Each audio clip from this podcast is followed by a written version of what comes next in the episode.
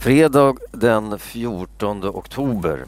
Djurrättsaktivister använder hot och våld. En morgon hängde det en bomb på pälshandlaren Fredrik Andreassons privata brevlåda. Efter det stängde han sin butik. Han vågade inte längre fortsätta sälja pälskläder. På senare år har angreppen mot eh, eh pälsaffärer blivit allt vanligare. Djurrättsaktivisterna har också blivit våldsammare. Sönderslagna fönster, stenkastning och mordbränder används mot affärerna och mot pälshandlarnas privata hus. Per Geijer på Svensk Handel kräver nu bättre skydd för handlarna. Han jämför djurrättsaktivisterna med de kriminella mc-gängen. Åklagaren Lars Lindman jämför med maffian. Någon hotar dig och krossar skyltfönstren. Sen kommer några och säger att allt blir bra igen, bara du gör som de vill, säger han. Fler rån i Köpenhamn. Det har blivit vanligare med rån i Danmarks huvudstad Köpenhamn. I september rånades 97 människor i Köpenhamn. Det är nästan dubbelt så många som i september förra året. Fler poliser vaktar nu gatorna på helger och kvällar. Men den ökade bevakningen har inte hjälpt. Rånen har inte minskat. Rånarna och de som blir rånade är för det mesta unga män.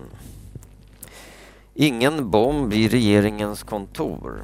Polisen spärrade på torsdagen av området kring regeringens hus Rosenbad i Stockholm. Poliser hade hittat ett paket som misstänktes innehålla en bomb. Regeringens kontor tömdes på folk och polisens speciella bombgrupp kom för att undersöka paketet. Men det som alla blev rädda för var ingen bomb. Det var en present från Uruguays president som hade varit på besök i Sverige. Kungens ekonomi kan granskas. Kungen kan tvingas visa hur han använder pengarna han får i bidrag av staten. Några av politikerna i riksdagens konstitu- eh, konstitutionsutskott, KU, vill att kungens ekonomi ska granskas mer noggrant. Kungens bidrag från staten kallas apanage. Med de pengarna betalar kungen bland annat resor, personal, middagar och fester.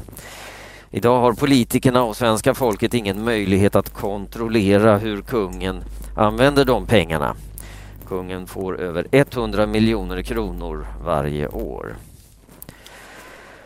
Lönerna på Glada Hudik-teatern ska höjas. Hudiksvalls kommun har fått hård kritik för att skådespelarna i Glada Hudik-teatern fått för låga löner.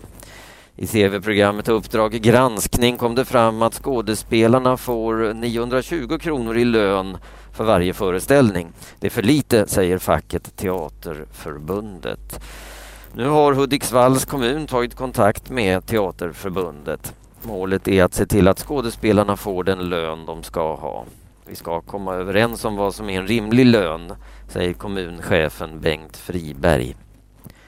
Många barn blir vräkta År 2007 satte den svenska regeringen upp målet att ingen barnfamilj ska bli vräkt från sin lägenhet. Förenta nationernas barnregler ska gälla. De reglerna säger att man inte får behandla barn på det sättet. Men vräkningarna av barnfamiljer har fortsatt. Sedan 2007 eh, har nära 2000 barn blivit vräkta. I Landskrona kommun har 18 barn blivit vräkta i år. Barnombudsmannen BO protesterar mot att kommunen vräker barnfamiljer. Politikern Mattias Adolfsson i Landskrona säger att inga barnfamiljer slängs ut på gatan. Om de blir vräkta så får de alltid en ny lägenhet att bo i.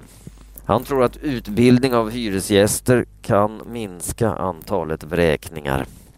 En del eh, familjer måste faktiskt lära sig hur man bor i en lägenhet, säger han. Och, och vräkning, det betyder att eh, man tvingas flytta från sin bostad för att man inte har betalat hyran eller för att man har misskött sig på något sätt. Många dödade av bomber i Irak. Minst 16 människor dödades när två bomber sprängdes i Iraks huvudstad Bagdad på torsdagen. Bomberna exploderade i Sadrstaden, ett område där det bor shia-muslimer. Sen i måndags har flera bomber sprängts i Irak och många människor har blivit dödade eller skadade. I ett bombdåd på onsdagen dödades minst 20 människor. USA är på väg att ta hem sina soldater från Irak. Den 1 januari 2012 ska alla amerikanska soldater ha lämnat landet.